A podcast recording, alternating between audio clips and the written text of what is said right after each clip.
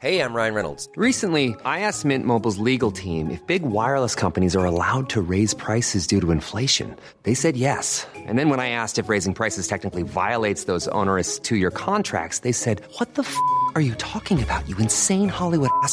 F- So to recap, we're cutting the price of Mint Unlimited from $30 a month to just $15 a month. Give it a try at mintmobile.com slash switch. $45 upfront for three months plus taxes and fees. Promo rate for new customers for limited time. Unlimited more than 40 gigabytes per month. Slows. Full terms at mintmobile.com. I'm Sandra, and I'm just the professional your small business was looking for. But you didn't hire me because you didn't use LinkedIn jobs. LinkedIn has professionals you can't find anywhere else, including those who aren't actively looking for a new job but might be open to the perfect role, like me. In a given month, over 70% of LinkedIn users don't visit other leading job sites. So if you're not looking on LinkedIn, you'll miss out on great candidates like Sandra. Start hiring professionals like a professional. Post your free job on linkedin.com/achieve today. Idag spelar vi in ett specialavsnitt av podden i samarbete med Netflix och deras nya serie Kärlek och anarki. Den har premiär 4 november. Och det här extra avsnittet filmas av också, en slags poddvlogg, bloggvideo. Mm. Det är det ordet. Du, låter, du låter som att du är liksom hundra år gammal när du säger det där, som att det är den värsta konstiga grejen. På tal om temat också. Kom in i internet-eran Parisa Amiri. Exakt. Eh, så, som finns här och var och man kan kolla på när vi pratar om dagens gäst. Ja men det tycker jag man kan göra för att vi har ju klätt oss fina för en gångs skull. Inte alls den där trötta, slappa klädseln och ansiktena. Och vi kommer prata om eh, vad den här serien innehåller och lite grann vad den spelar på. Mm. Men vi är ju intresserade av både kärlek och anarki. Alltid.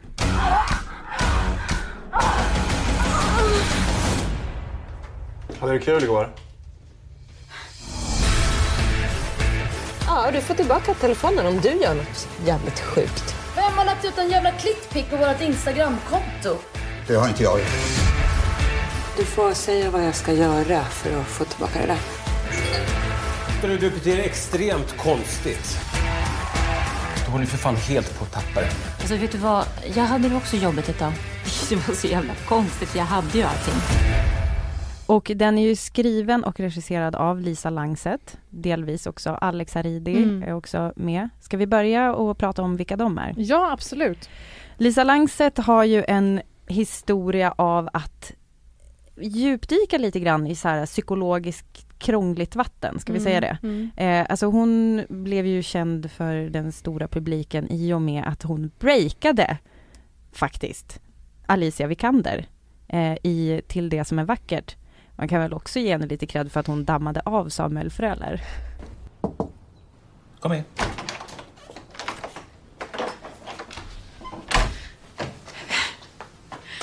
Jag försökte ringa dig massa gånger igår. Jo tack. Eh, min fru kom hem från Italien i natt. Jag hade lite svårt att ge henne en rimlig förklaring till varför telefonen ringde var varannan minut.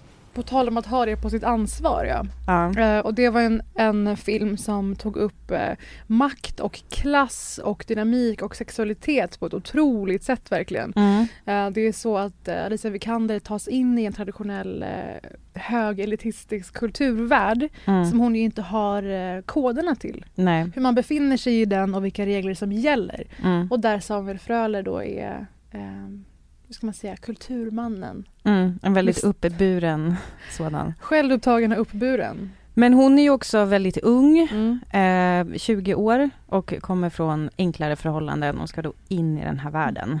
Eh, ja men det är ju lite speciella, så här krånglig, eh, det är ett ganska krångligt tema Mm. kan man ju säga. Ehm, liksom vem har makten hit och Och dit. lätt att göra fel, ska vi vara he- helt ärliga med. Det är ganska Ja. känsliga marker de tar sig in i Exakt. med, de här, med det här temat. Ja.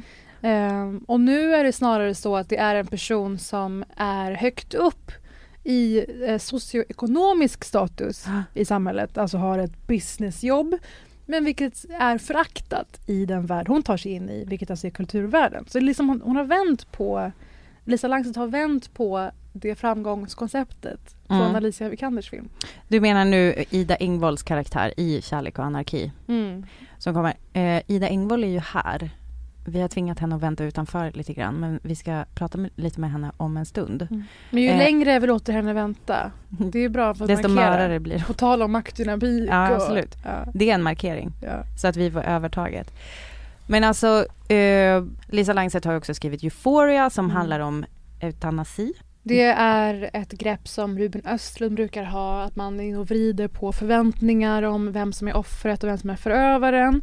Och eh, i den här då serien Kärlek och anarki så tar sig eh, Ida Engvalls karaktär Sofie in i förlagsvärlden med sin businessbakgrund, inne och ska köra över folk och vara ganska vulgärt på. Och eh, folk är väldigt motvilliga till all slags innovation i den världen. Det vet till exempel jag, men även du. Eh, och eh, den här serien eh, tar sig plats på ett förlag och det blir som en, då blir det en workplace comedy Mm. av det förlaget. Det ska man ha klart för sig, att de siktar ju på humor Mm. i första hand. Precis, men för alltså det kanske man inte tror efter hur vi har pratat hittills, Mm. men det är ju, det är ju liksom lite puttrigt. Mm. Det är inte så här slapstick humor, men det är ändå ganska, alltså det är situationskomedi.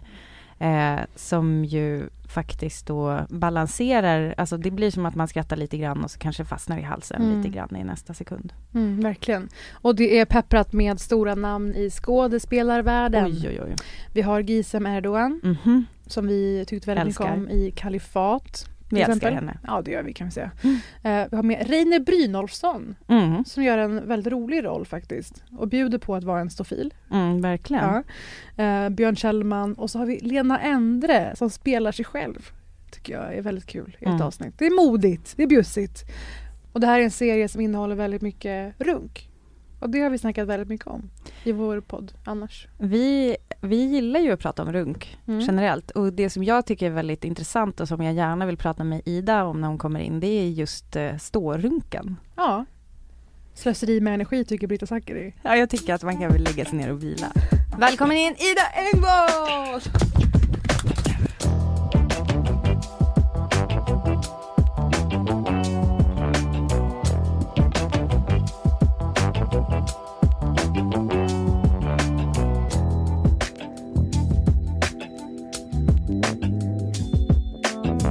Oj vad kul, vilken ära, nu blev jag nervös. Och Ida är lite. säkert besviken att det här ens är en podcast. Jag trodde det bara var TV. Ja just det. Alltså ska hon slösa allt det där Jag på vet. att det bara är ljud som går ut? Ja. Det. Men det är ju inte bara ljud, det har vi Nej. sagt. Vi påminner om det, att det är också avfilmat. Det är väldigt, Mm. väldigt kul tycker vi. Eh, jag tyckte väldigt mycket om dig i andra åket. Mm. Ja, det var Eh, kul. Det var kul. Ja men visst var det kul? Ja det var kul. Vad är det då? Ska du eller jag? Nej jag tycker berätta, du. Nej berätta Nej, jag tycker- du om vi vet. Två ödmjuka kvinnor Nej men, och så Ida, jag. Ja. nej men alltså Ida dyker upp och gör en fantastisk roll och jag tänker också just eh, spelet mellan dig och Sanna Sundqvist som faktiskt också kommer från norr. Alltså hon är ju från Härnösand Mm. och jag tänker, du är från Hälsingland. Jag tänker liksom att på något sätt så har ni någon, någon väldigt stark, eh, ni bottnar ganska bra i den här typ glesbygdskvinnan. Mm. Eh, hur var det att spela den rollen? Rätt svar skulle jag säga först. nej, eh, nej men det var, det var faktiskt kul. Det var kul. Det var jättekul att jobba med Sanna. Vi gick ju i samma klass på Teaterhögskolan och det här var Mhm. första jobbet riktigt som vi gjorde ihop. Så, och det var så kul för man har ju, man har spenderat så tre år av att lira och vi tyckte att det var väldigt kul att liksom spela med varandra på Spela med varandra, säger man så? Att Spela jobba mot ihop, varandra. Spela Det är mot du som är experten. Ja, jag vet inte vad jag pratar om. Men det var, jag, vi Slänga käft? Ja precis, ja, på olika sätt liksom och låtsas vara andra, Ja. klä ut oss. eh, när vi höll på med det mycket när vi gick i samma klass och sen så har vi liksom inte jobbat ihop och det är ju, man jobbar ju väldigt sällan med tjejer i sin egen ålder. Mm. Är det så? Ja, i alla fall jag gör det. Ganska sällan. Det är mer på sista åren men de första åren så jobbar jag bara med så här Nej jag träffade ingen i min ålder liksom. Mhm. Eh, det var kul och sen var det kul för att jag fick eh, ganska fria händer och göra den här liksom karaktären. Det var någon, det fanns någon tanke först att hon, jag tror så första saken jag läste var så den här populära tjejen i byn som har så lite för mycket smink och klackskor typ. Jag bara, "Eh, nej. så populära tjejen i byn, den som är så okränkbar, har inget smink liksom. Eh, bäst på skidor och, nej men jag vet inte. Eh, larva, det var också en slags hämndkaraktär från alla, jag vet inte, alla tråkiga lärare som, nej jag vet inte. Alla alltså, nu, nu bryter jag er Ja. ja. Norrlandsvurm här, Mm. eller den är ständigt pågående, vurmen, Mm. men bara Ja. er, er bonding session här som ja. pågår. Eh, och gör en segway till den karaktären du spelar i Lisa Langset och Alex Haridis nya serie. För om du nu var inne på att du har spelat en, vad var det du kallade det? Glesbygdskvinna. Där, glesbygdskvinna. Det är ännu bättre nu att det var en hämndkaraktär. Ja! Ja. I Kärlek och anarki spelar du Sofie Ja. som är en samtida, för nu säger jag det, en vidrig Stockholmsperson som kommer som businesskonsult och Ja. slänger sig med termer till höger och Ja. vänster, content och allt vad det är, Ja. eh, för människor på ett förlag. Det är också något slags konfliktyta där då ju. Men vad lockade dig mest med det här projektet när du först hörde om det? Eh, nej, men dels så tycker jag att det är superkul när man har skrivit en Stockholmskaraktär.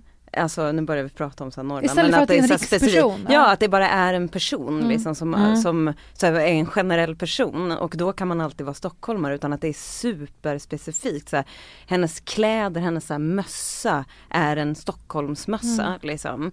Det är ju jättekul skrivet. Liksom. Sen var det åt jättemånga saker som lockade mig med att, med att göra den här personen. Hon har ju en, ett vilt inre skulle jag säga som, som hon har liksom Förtryckt? Ja, förtryckt och liksom rationaliserar, precis som hon rationaliserar i allt som hon gör i jobbet så har hon ju också rationaliserat bort det liksom vilda i sig själv på något sätt och eh, hon, man ser ju, eller vi försökte i alla fall göra det så att hon redan från början så är det ganska ohållbart egentligen. Mm. Liksom. Att så här, du, nej, men det känns som så här, det här det funkar ju inte riktigt bra. Att, så här, att låsa in sig själv på det sättet. Ehm, Vad är det som gör att hon har gjort det?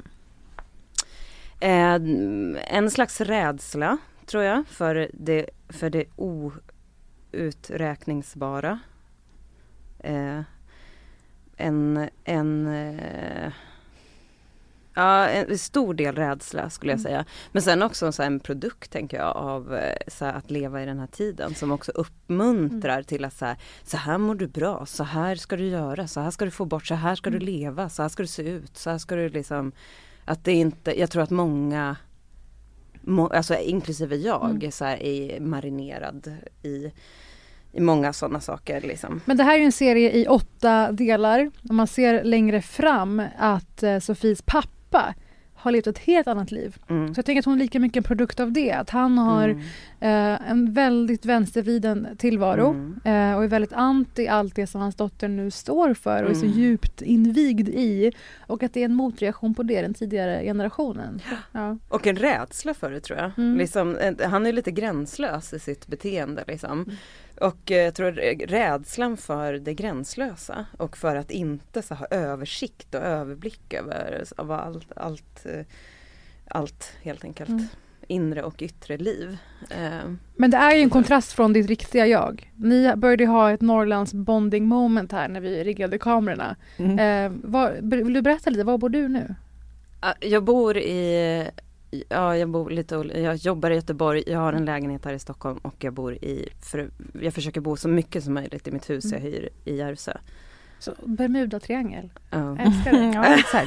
De har ma- mappat in alla viktiga i Sverige. Mm. Men hur funkar det då att bo i Järvsö och Gärsö har jag lärt mig att man säger. Nej, ja. är det- heter. Men alltså Lill-Babs-trakterna. Ja, precis. Ja. Eh, men hur funkar det att bo där och jobba med det här? För jag menar det är ju ändå, känns ju som en ganska stockholmsk livsstil ändå att vara skådespelare. Ja det är det nog. Alltså jag försöker ju jobba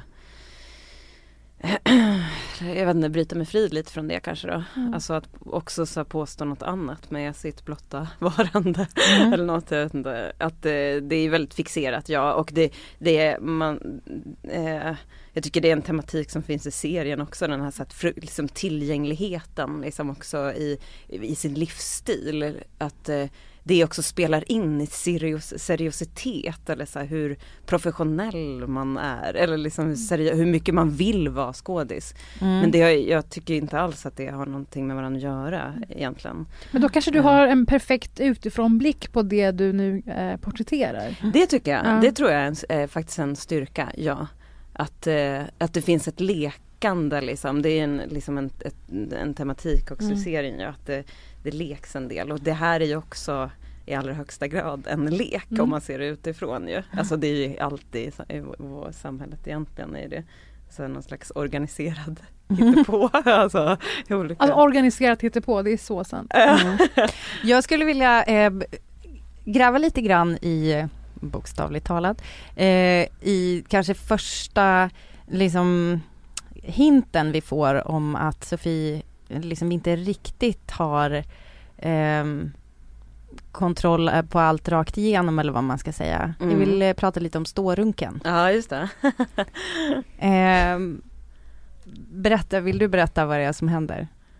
Eh, ja, alltså mm, mm, hon, ja, hon runkar helt enkelt lite. Jag tror att det är så en kvart in i för, första avsnittet så Mm. har jag runkat tre gånger. Ja. Typ, eller någonting. Alltså, Men det är ju en stårunk. det är en stor runk. Ja. Det, jag är så otroligt intresserad av det. Alltså Ja. är, det, är det någon särskild anledning varför hon inte gör det mer bekvämt för sig? Eller var det bara att det var lätt att lösa kameratekniskt? Nej det är inte kamera utan vi, är så, vi har varit så otroligt noggranna Mm, faktiskt. Liksom rent det. eh, anatomiskt så här, vad, liksom vilket grepp man använder Mm. om man vill liksom, eh, alltså Ja men egentligen använda liksom runken som en release, stress release liksom. Att, eller alltså att man Men där kommer nästan självoptimeringsjaget in igen. Om Mm. jag får by- by- byta in här bara. För vi ser hennes första stårunk. Då är det som att hon slänger in det i den här tillvaron av att man ska vara en perfekt person och samordnad och sådär. Ja. Man ska eh, springa milen varje dag och man ska ha, alltid se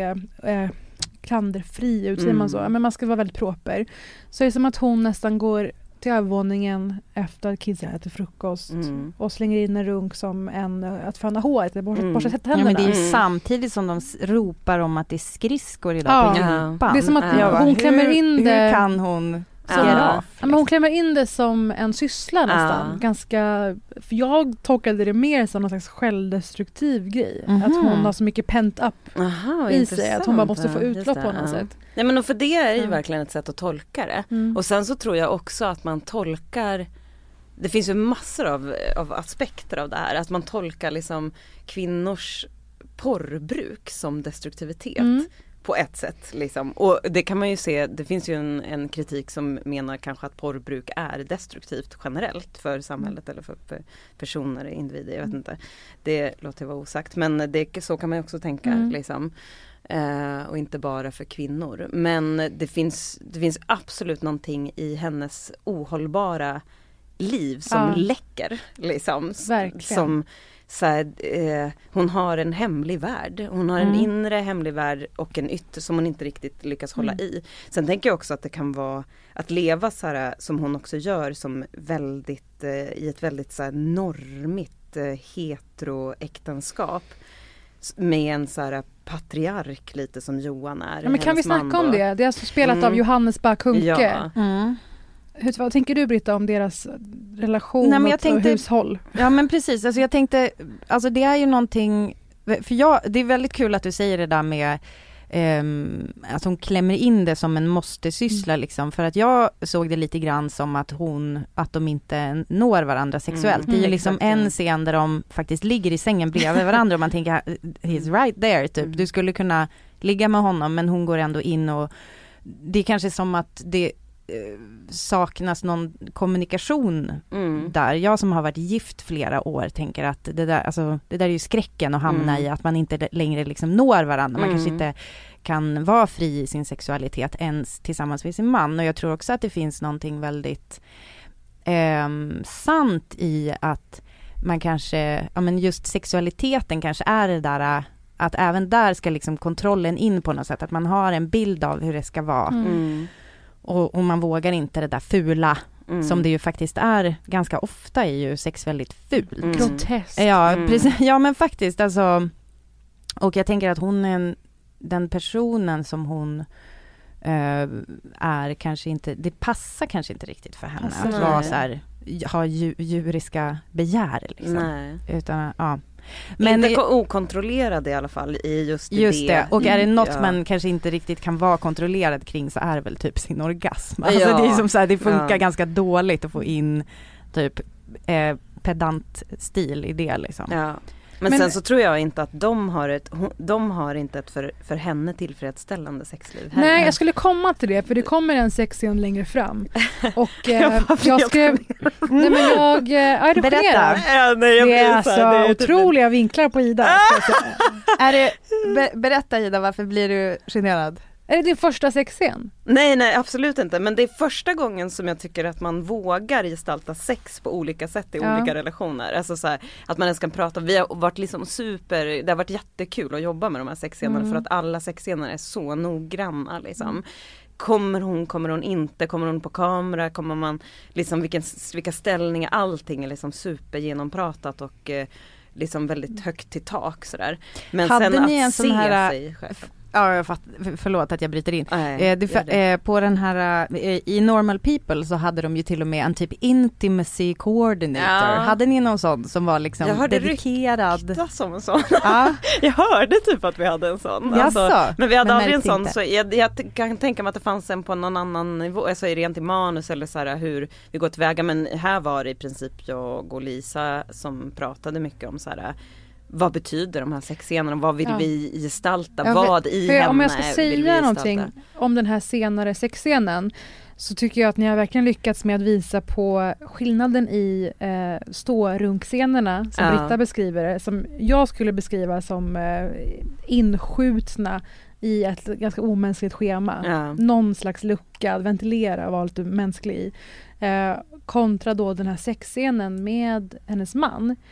Och då märker man att det är väldigt performativt. Det var det ordet jag skrev ner. Att det är performativa sexscener. Ja. Och att hon stönar på ett väldigt eh, onaturligt sätt och att hon imiterar de porrscener nästan som hon tittar på när hon runkar. Och att det känns inte som att hon är inne i sin egen lust eller fokus inåt alls under Mm. sexscenen. Och det är väldigt snyggt gjort tycker jag att ni har lyckats eh, utan att säga någonting för det hade varit övertydligt. Mm. Men utan att säga någonting så har ni lyckats visa på Mm. Eh, vad det, vem, vem det är till för Mm. i respektive scen. Men hur var det för dig att spela skillnaden? Men det, det skulle jag nog säga var en av de sakerna vi pratade om. Liksom. Mm. Absolut att det, så här, det här är så som de har hittat varandra. Sen har det bara pågått det här liksom. Och sen så kanske en, en eh, Alltså jag tror att många kommer tänka om den här sexscenen på ett annat sätt också. Och tänka så att så där ser väl sex ut. Mhm. Medans eh, många säger, tänker precis så där. Mm. Att så här, det beror på helt vem man är. Men jag och hade rätt med vilken blick man tittar på, tror Ja. jag. Liksom. Eh, men att spela, alltså det var ju såklart, eh, det är ju inte kul. Jag är ganska, jag är inte så liksom eh, det är så konstigt att ni har sett den här serien då jag är så Mm. himla liksom naken men jag är ganska, jag kan vara lite blyg på det, sådana där Mm. liksom Det är inte bara, alltså det är inte bara vi som kommer se Nej. den heller. Jag vet inte om du vet men den ligger på Netflix. Just det. Så alla som har ett konto kan logga in och se. Det är så Ryssland, berättade de inte. abstrakt, abstrakt. Så Sydsudan. utanför gardinen.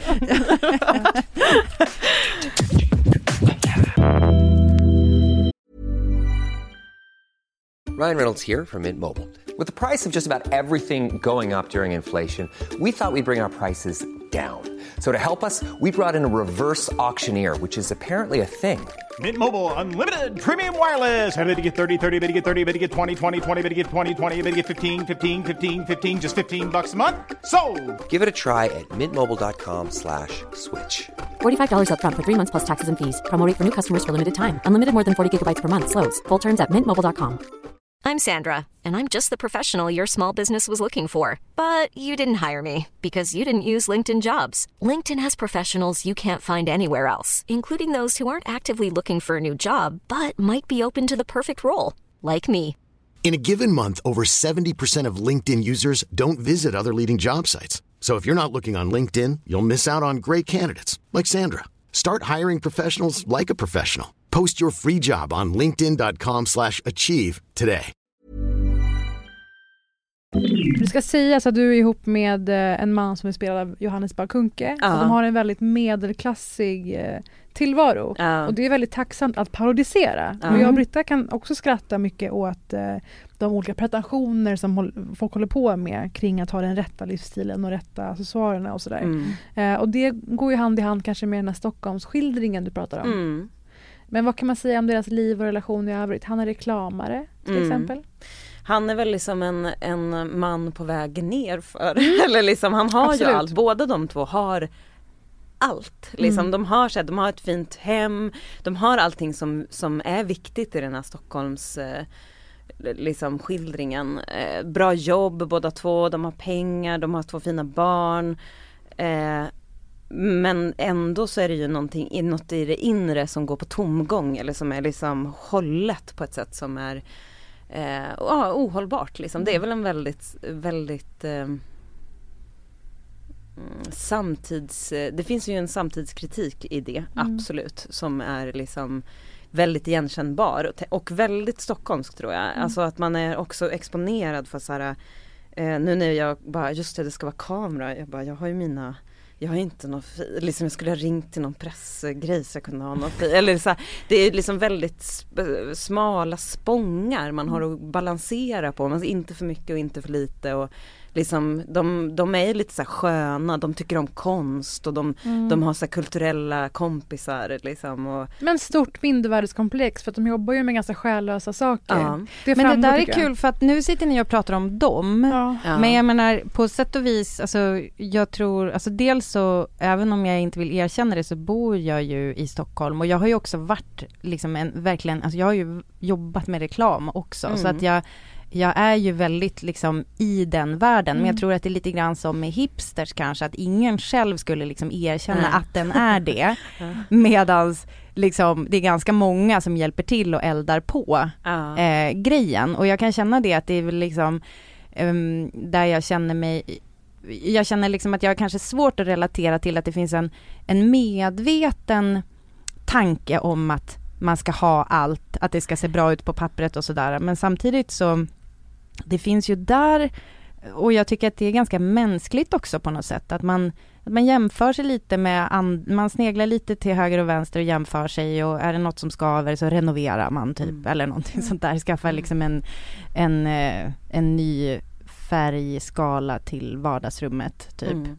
Ehm, så hur, alltså, Nej, men ja jag tänk- tänker, ja, jag, Jag, tänker tänker som att att, det är precis det som är samtiden. Mm. Liksom hur vi löser problemet. mm, Alltså av att, så här, att man speglar, vi har liksom aldrig haft så mycket information om hur det ser ut att vara människa rent bildligt Mm. liksom. Hur mycket inputs vi får av så här, här mår du bra, i det här rummet med den här färgskalan så kommer du må bra.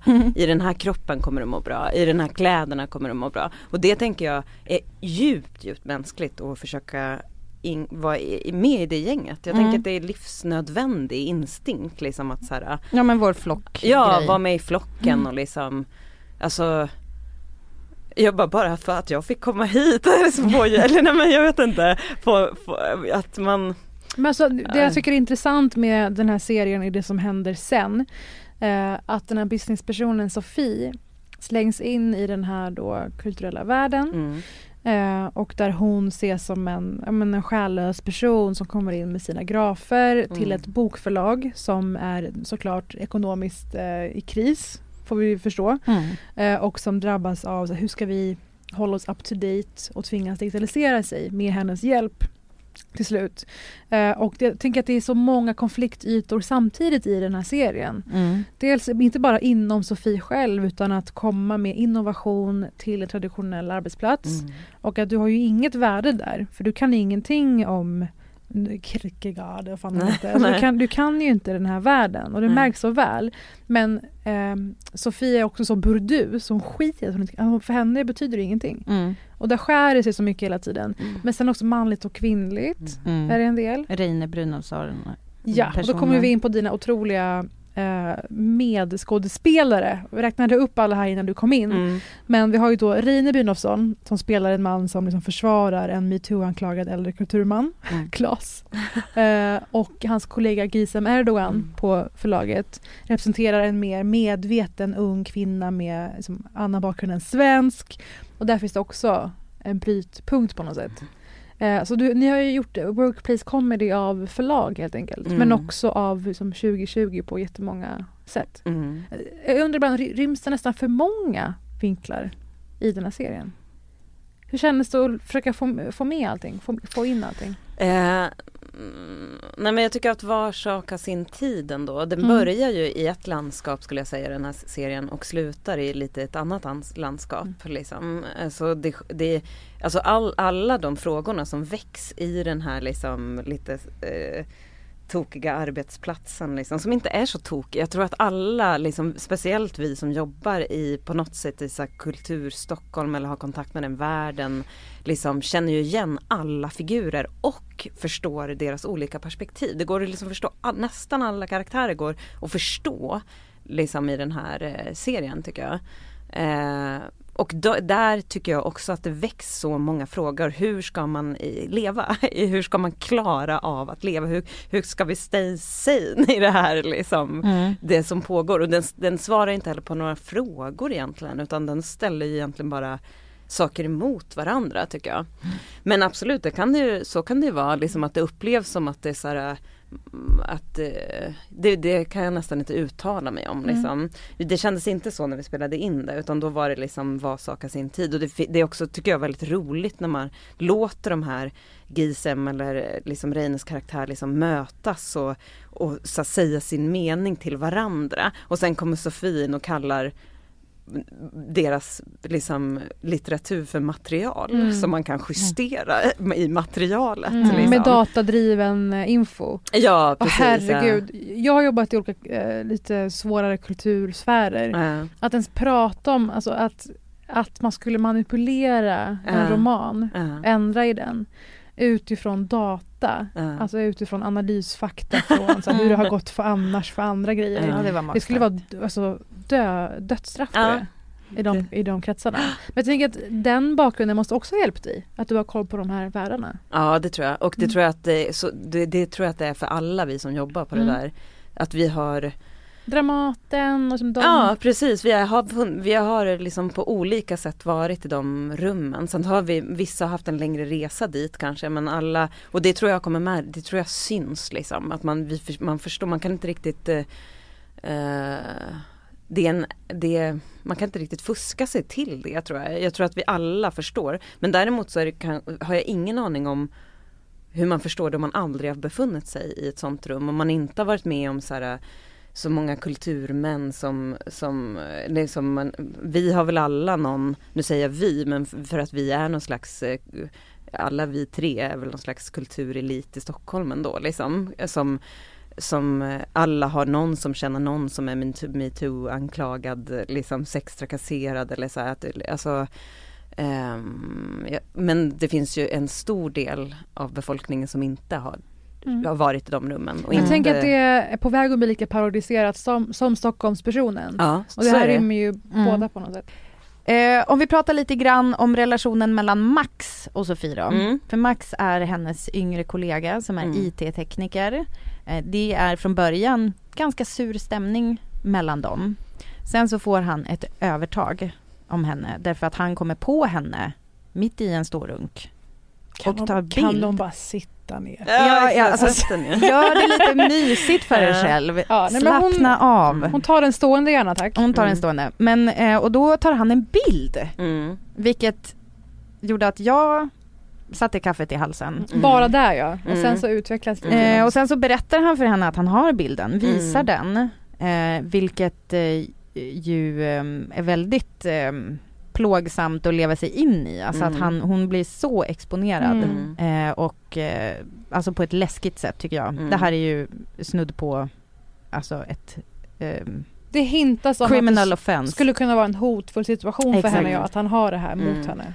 Men ändå så utvecklas då relationen Mm. lite mer åt Mm. det varma hållet. Först så vill hon ge igen på honom eh, och sen så blir det som lite så här katt och råtta lek eh, där de hetsar varandra.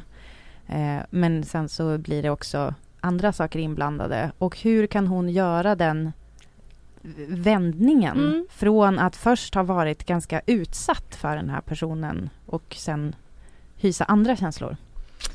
Ehm, det här föregår sig också, det här kortet, av att hon har varit eh, minst sagt liksom, eh, ganska dryg mot honom Mm. också. Liksom. Och eh, det, det är en av mina eh, eller så, det är en ta, talande replik tycker Mm. jag, den också med i trailern så jag kan säga den. Men hon säger så här, du kan inte borra när vi andra jobbar. Mm. Det är så här som att hon bara, nej men hon, hon, det, hon definierar jobb på ett sätt liksom och det han gör inte Ja, så jobb, han bara stör. Mm. och Ja, entitled. han stör det riktiga jobbet med att han håller på och borrar liksom. Mm. Ehm, För att säkert göra det lättare för andra att jobba. Men ja. Ja exakt så, för att hon ska kunna sitta där och jobba. Mm. Eh, men eh, ja, som en slags arbetarklass som stör den intellektuella Precis. liksom, världen. alltså med deras oljud och att de bygger om hela tiden. Liksom. Ehm, men hon, hon får ju då liksom anledningen varför det här öppnar ett rum i henne är ju dels för att det liksom inte, det blir ju inte så att han pressar henne på pengar utan han har ju nästan glömt bort det där dagen efter när hon kommer och Mm. frågar då så här, vad, hur ska vi lösa det här liksom. Och Fast bara, hon "Åh." tror ju det. Hon tror det Ja. och det är hemskt för henne, väldigt hemskt för henne. Men och liksom en av anledningarna varför det sen utvecklas till något annat är för att det inte var så, tänker jag.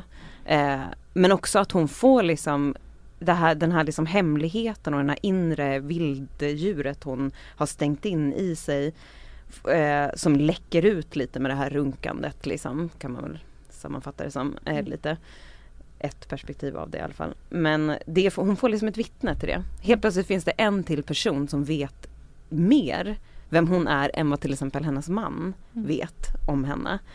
Ehm, och hon får liksom en försmak av någonting som jag tycker eh, är liksom lite anarkin för henne. Att ge efter för inre idéer och strömningar och bara göra grejer, liksom leka eller några saker som inte alls har något så här ekonomiskt värde eller så här, det är inte bra för företaget eller för henne. Det, det går inte att mäta på något sätt. Liksom, Eller de kontrollera. Nej, eller kontrollera liksom.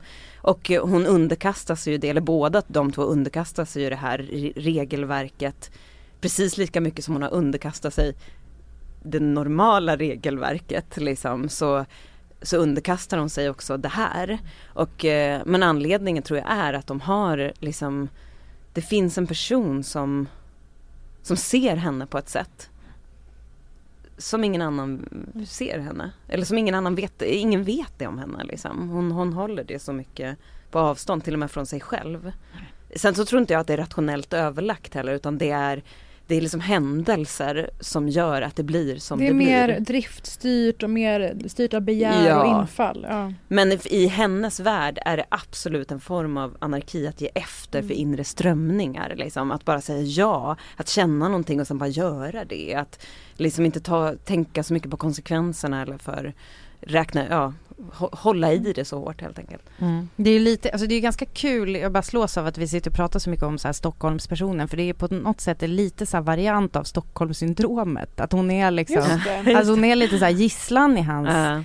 grej. Just det. I och med att han, alltså det blir på något sätt genom sitt enorma övertramp Ja. som han gör så är det på något sätt att han också eh, knyter henne närmare till sig. Ja. Därför att han vet hennes hemlighet och genom, alltså det är, li, alltså det är balansen där. Ja. Det skulle lika gärna kunna vara utpressning. Ja. Istället förde de närmre varandra. Ja. Men jag tänker också, tänk om man inte hade tagit kortet och då, då kan man ju lika gärna se, och hon hade varit en man till exempel, då hade det ju lika, då hade det också varit ett väldigt övertramp att stå och runka på jobbet Mm. liksom. Och klä av sig byxorna och stå och titta på porr på kontoret. Och så liksom den där, det där är ju också en väldigt fin gräns tycker jag för vad som blir så här, att han tar ett kort, ja det är ett övertramp men att bara dra ner byxorna och runka på kontoret och sätta på en porrfilm är också ett övertramp liksom. Ja. Så att eh, Men otrolig skillnad om man är man. ja det- kanske, ja kanske. Tycker jag. Ja. I, om Lägg vi in pratar om makt. effekter. Lägg in effekter på mitt huvud. Nej Ja. men om man pratar, om vi pratar om vem som har makten Ja, och sådär. så är det. Så är det ju skillnad. Ja, och där kommer vi till Lisa Langset och Alex Haridis otroliga hantverk då som de är kända för båda två. Vi var inne på det innan du kom in här. Eh, var det här det du föreställde dig då när du blev tillfrågad eller sökte dig till ett Lisa Langset-projekt? Att det är väldigt mycket maktdynamik och det är väldigt mycket sexualitet. Om du är lockad av att rota i de frågeställningarna. Ehm, Vi kan ju bara säga också, Alex Haridi har ju tidigare gjort Äkta människor, Blå ögon, störst av allt. Alltså ingen, det är ingen tråkig CV Nej. där. Nej. Eh, jag, vet, jag kommer inte ihåg vad jag förväntar mig. Nu försöker Ja, jag gjorde svara inte här. det? Nej, alltså jag var liksom, för mig var det jättekul att få, liksom, Mm. få jobba med Lisa. Och jag tyckte också att vi ganska snabbt hittade eh, varandra liksom i så här, vad vi ville göra med det här. Eh, Hur funkar det? Ses man, alltså när, när du säger vad ni vill göra, Ja. är, du, är du liksom med och mejslar ut den här karaktären i ett tidigt plan eller hur ser det ut? Eh, nej men hela, hela manuset var ju liksom skrivet. Så det är klart att så här, när jag läste manuset, dels så var det så här, vissa saker som jag bara "Ah, hur ska jag klara att göra det här liksom? Och sen, men, och sen allting som man känner så här, oh, men gud vad, det här finns en tendens åt det här hållet och det här hållet. Och sen så har det, eh, följs det, det här var ju liksom efter då att jag blev tillfrågad om jag ville göra den här rollen. Eh, och sen följdes det av många, många timmar av att gå igenom så här, vad, vad, vad öppnar liksom alla dörrar i manuset och alla liksom ehm, bestäm, ja, bestämma sig, vad är man lockad av, vad är man Det är liksom väldigt många samtal som blir så här något eh, eh, blir den här personen som på något sätt har ett eget liv utanför oss två. Jag vet inte. eh, Alltså som syftar till, alltså jag tycker bara det är intressant eftersom jag inte är skådis men Mm. är det som att de där samtalen, alltså det, det är som ett sätt för er båda typ att lära känna karaktären så att du har med dig det i spelet Ja. eller? Jag, jag, eh, ty- vi, och det är inte alltid man jobbar så liksom. Lisa är ju jättenoggrann. Liksom, Hon känns och, väldigt noga. Ja, noga och smart och liksom eh, liksom, och Men- allting, alltså alla perspektiv finns med och det är ju väldigt tryggt som skådis liksom att man det, man- allt, allting är redan tänkt på och eh, tillsammans kan man bara liksom öppna ännu mer. Liksom, och det är i princip så här, var, är- var är Sofie? Vad är det hon inte kan förmå och vad kan hon förmå? Vilka dörrar öppnar hon i den här scenen? Vad känner hon inför det som händer i den här scenen? Liksom? Och de inre världarna det mejslar vi fram tillsammans Mm. liksom. Så vi var väldigt synkade under inspelningen. Jag tror det var liksom en gång då vi bara Nej men vad, vad gör du nu? Så jag bara, jag trodde vi skulle hitåt. Hon bara, nej jag trodde vi skulle Men du alltså, sa nyss att det här är som en kommentar till den samtid vi lever i. Ja, det kan man väl säga. Och utöver det här med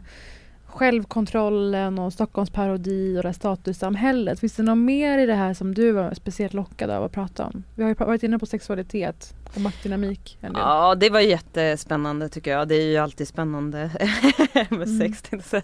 Nej men det är ju alltid liksom, speciellt på film. Jag tycker att det har skötts så, så undermåligt. Mm. Att vi har varit så Mm. otroligt noggrann och sen har det varit så här, ah, så gör som ni brukar göra. Fast det är ingen som gör som de brukar göra för att det alltid är en filmvariant Mm. av saker.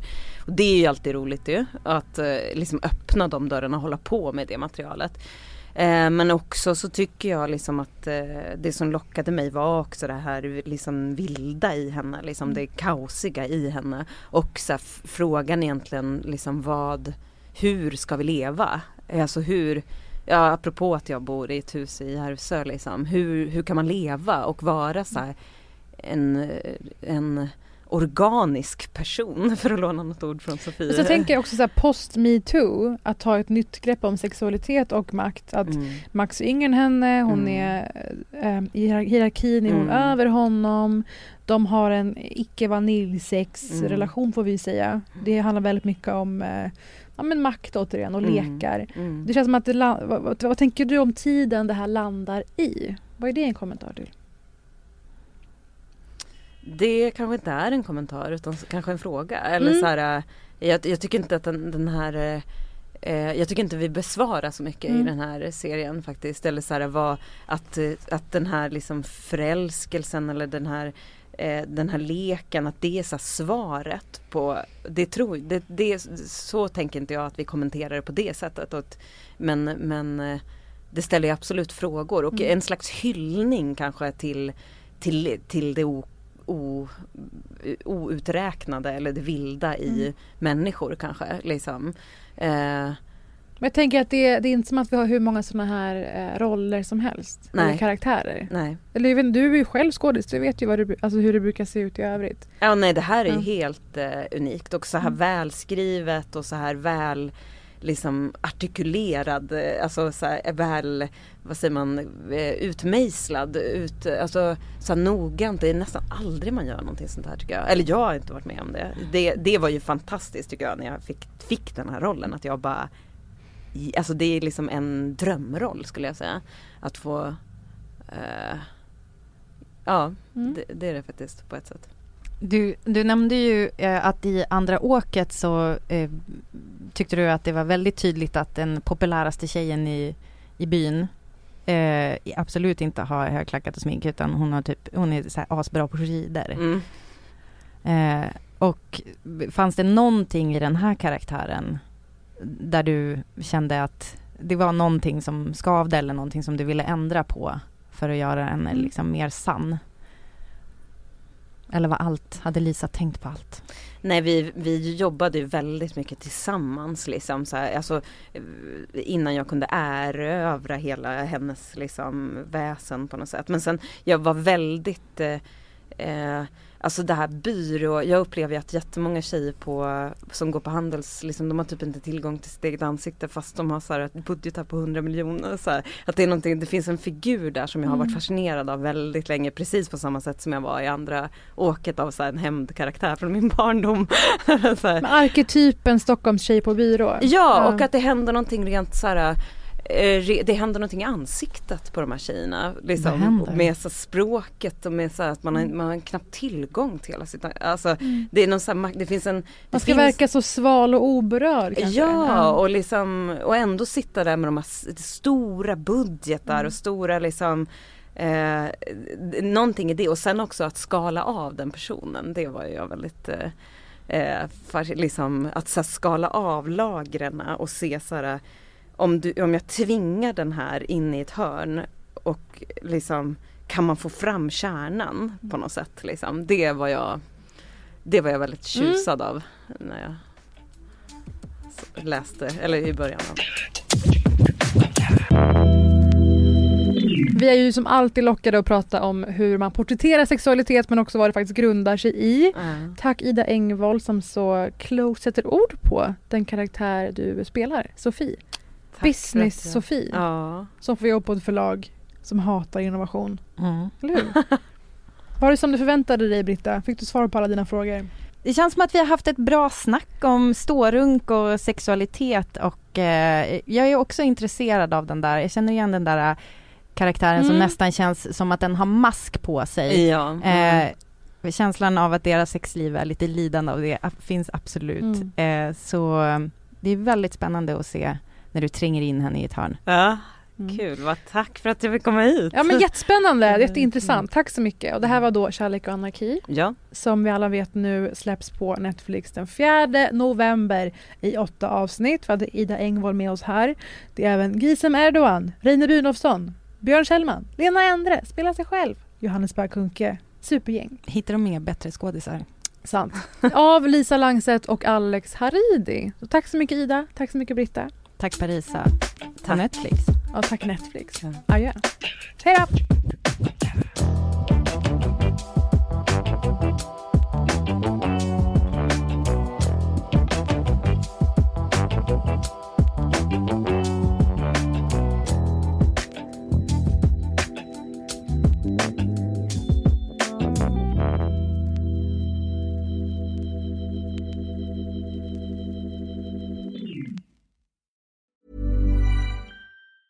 Hi, I'm Daniel, founder of Pretty Litter. Did you know cats tend to hide symptoms of sickness and pain? I learned this the hard way after losing my cat, Gingy. So I created Pretty Litter, a health monitoring litter that helps detect early signs of illness by changing colors, saving you money and potentially your cat's life. Pretty Litter is veterinarian developed, and it's the easiest way to keep tabs on your fur baby's health right at home. Go to prettylitter.com and use code ACAST for 20% off your first order and a free cat toy. Terms and conditions apply. See site for details.